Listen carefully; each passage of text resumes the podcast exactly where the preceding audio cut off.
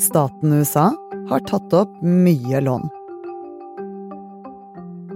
Vanvittig mye lån. Statskassen er rett og slett i ferd med å gå tom. Nå har statsgjelden ført til et politisk drama i den amerikanske kongressen.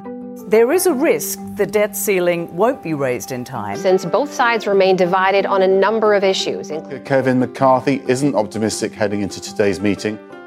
Løser ikke president Biden denne floken innen kort tid, får ikke ansatte lønn, og pensjonister får ikke pensjon. Hvordan havnet USA i denne gjeldsgjørma? Du hører på Forklart, jeg heter Synne Søhol, og i dag er det tirsdag 23. mai. USAs gjeld den er stor. Eh, altså Det vi kaller statsgjelden er på 31 400 milliarder dollar. Det sier kanskje ikke så mye for alle lytterne, men det vil altså si rundt 1 million kroner per amerikaner. Øystein Kløvstad Langberg er Aftenpostens korrespondent i USA. USAs gjeld er til å bli svimmel av. De hadde trengt noe sånt som 22 norske oljefond for å betale ned all gjelden sin. Men det er også viktig å huske på at USA er et stort land som tåler å ha ganske mye gjeld. Det er en militær supermakt, det er en økonomisk supermakt, og de har en valuta, altså dollaren, med en helt unik posisjon internasjonalt. Det er på en måte også verdens valuta i tillegg til USAs valuta. Og det som er enda verre, er at Eh, når man ser inn i fremtiden, så skal den øke enda mer fra dagens nivåer. Og det bekymrer ganske mange både politikere og, og økonomer, og gjør at flere og flere nå roper varsku. Um, og nå har det brutt ut en bitter konflikt om dette i USA, og stridens kjerne det er det såkalte gjeldstaket. Gjeldstaket er en grense for hvor mye gjeld USA kan ha. Og den grensen er det politikerne som har satt. Det er helt vanlig at land låner penger. Og det er for å dekke offentlige utgifter som utdanning, helsevesen og forsvar. Norge har lite gjeld pga. oljefondet, men mange land som Italia, Japan og Frankrike f.eks. har høy gjeld. Og USA har aldri hatt så høy gjeld som nå. 1.6 kan statskassen gå tom, og det er det flere grunner til. Så helt grunnleggende så er problemet at de bruker betydelig mer penger enn det de henter inn i skatter og avgifter. Altså de går med et såkalt budsjettunderskudd. Og for å finansiere det underskuddet så må man ta opp mer og mer og mer lån. Eh, men skal man trekke fram liksom enkelthendelser, enkeltgrunner, så kan man peke på flere ting. Man kan peke på økonomiske kriser. Gjelden økte f.eks. kraftig etter finanskrisen i 2008-2009. Da brukte staten store beløp på å holde hjulene i gang når på en måte panikken bredte seg rundt om i verden. Um, og den har økt både under republikanske og demokratiske presidenter, tikket oppover denne gjelden. Trump, Donald Trump eksempel, gjennomførte store skattekutt som delvis var finansiert med å ta opp mer gjeld. Um, men det som har betydd aller, aller mest de siste årene, da, for at vi har endt opp i den situasjonen vi er i nå, det er koronapandemien. USA vedtok store, store redningspakker. De sendte ut sjekker til alle amerikanere som skulle ha nok penger gjennom pandemien. Akkurat som vi så i Norge også, så var det hjelpetiltak for å få folk gjennom der. Og det har selvfølgelig kostet penger eh, og ført til, ført til stor gjeld. Men også før pandemien hadde USA høye kostnader.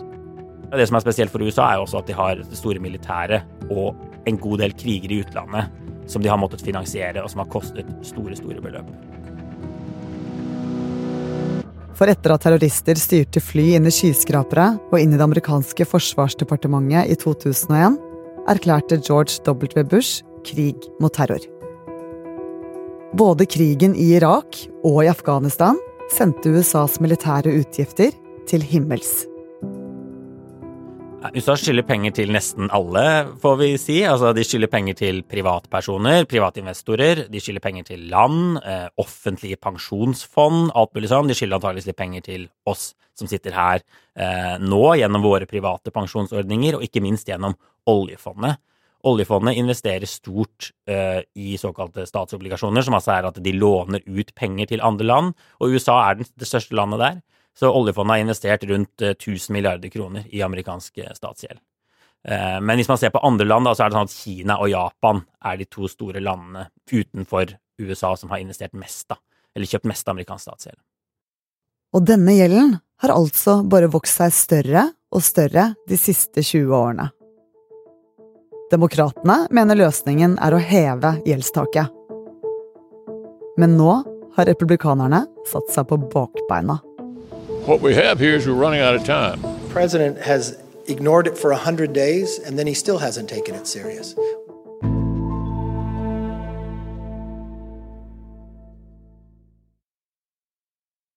And it would be catastrophic for the, uh, for the American economy and the American people if we didn't pay our bills. USAs enorme gjeld er jo et tilbakevendende tema, og man jakter alltid på en syndebukk, en grunn til at gjelden har blitt så stor, og det er jo sånn at partiene også i veldig stor grad skylder på hverandre for å forklare hva som har skjedd her. Men det er også sånn at partiene har en tendens til å være aller mest opptatt av dette enorme gjeldsberget når de selv ikke sitter med presidenten og har makten. Altså når de er i opposisjon, da er de plutselig veldig opptatt av økonomisk ansvarlighet og sånn. Dette er noe vi også kjenner bitte litt igjen fra her hjemme. Og nå er det sånn at demokratene har presidenten, og da snakker republikanerne veldig høyt om behovet for å kutte i offentlige utgifter, slanke velferdsordninger, den type ting, for å få ned budsjettunderskuddet og, og gjelden. Og de har også vist at de er villige til å presse Biden veldig, veldig hardt for å få gjennom det de ønsker. Demokratene får kjeft for å sløse. Og republikanerne får kjeft for å ikke kreve nok skatt. Og mens de krangler, så tikker klokka. Snart har de ikke flere dollar å bruke. Og hvis taket ikke heves, så vil man rett og slett ende opp i en situasjon hvor USA, staten USA ikke lenger kan betale regningene sine, det de skylder folk, som lønninger til offentlige ansatte, som eh, pensjoner til pensjonister, eller renter på lånene sine til alle de som har lånt dem penger. Og problemet er at makten i Washington nå er splittet mellom demokrater og republikanere. Demokratene har presidenten, mens republikanerne har flertall i Representantenes hus.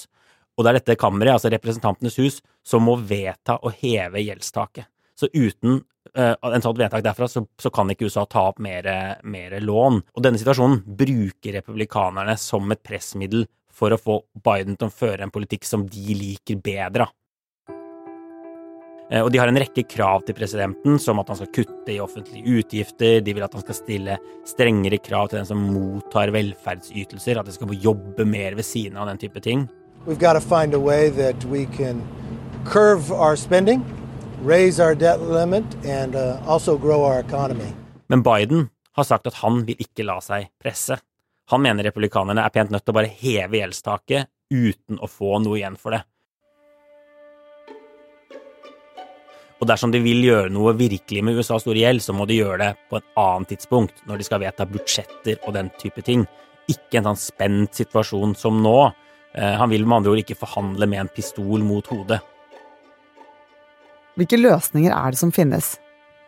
Altså Biden har jo sagt at han ikke vil forhandle om gjeldstaket, men det han i praksis nå gjør, er nettopp å forhandle om, om gjeldstaket. Så det er forhandlinger i Washington og de forhandler altså om et kompromiss der Biden gir republikanerne noen politiske seire mot at de hever gjeldstaket og får USA liksom bort fra dette stupet da de nå står på kanten av.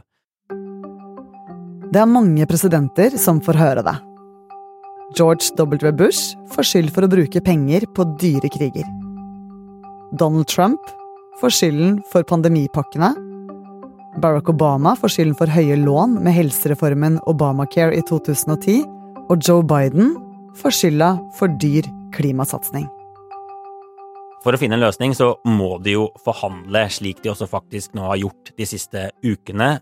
Biden må sannsynligvis svelge noen kameler og gå med på en liten dose konservativ økonomisk politikk, mens republikanerne på sin side må innse at de ikke får de dramatiske kuttene i velferdsordninger som de drømmer om, men at de må heve gjeldstaket likevel for å få USA ut av denne kritiske situasjonen.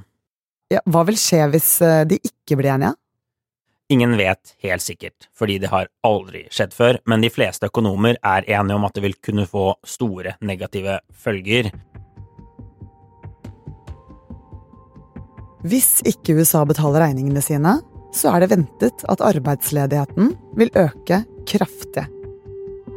Mange amerikanere risikerer å ikke få betalt lønn pensjon eller trygd fordi staten ikke har penger til å betale dem.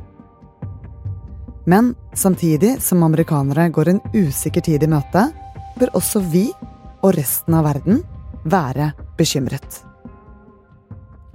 USA regnes jo som den viktigste økonomien i verden, både fordi landet er stort i seg selv, over 300 millioner forbrukere, men også fordi det er en så sentral spiller i finansmarkedene.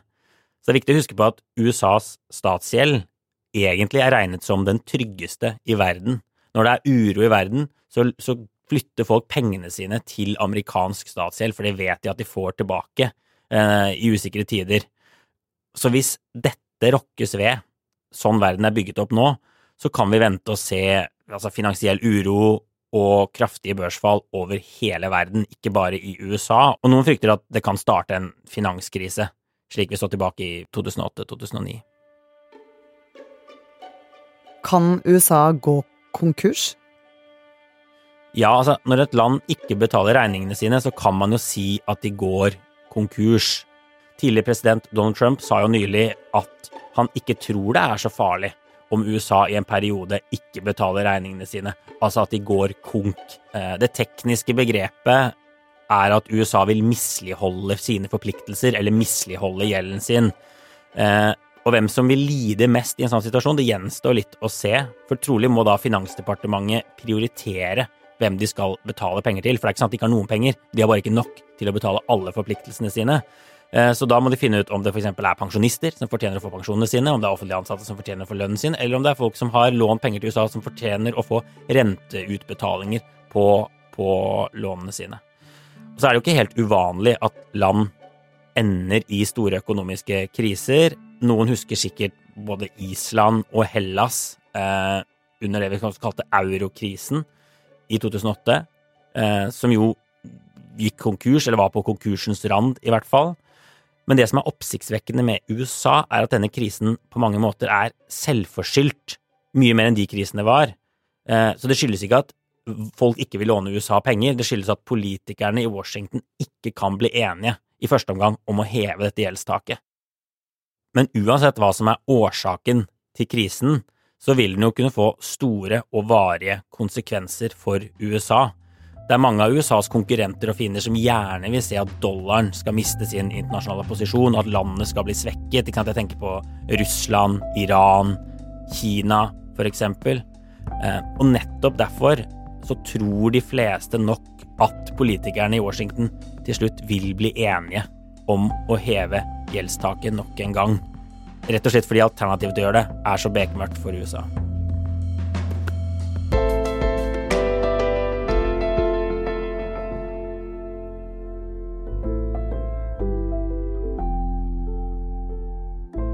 Du har hørt en podkast fra Aftenposten. Det var USA-korrespondent Øystein Kløvstad Langberg som forklarte situasjonen rundt gjeldstaket som USA nå stanger i. Denne episoden er laget av produsent Philip A. Johannesborg og meg, Synne Søhol. Resten av Forklart er Olav Eggesvik, Jenny Førland og Anders Weberg. Du har hørt lyd fra nyhetsbyrået AP, CNN, CNBC og PBS. Og har du lyst til å følge amerikansk politikk enda tettere, så anbefaler jeg podkasten Aftenpodden USA. Og den finner du i appen Podme eller på ap.no.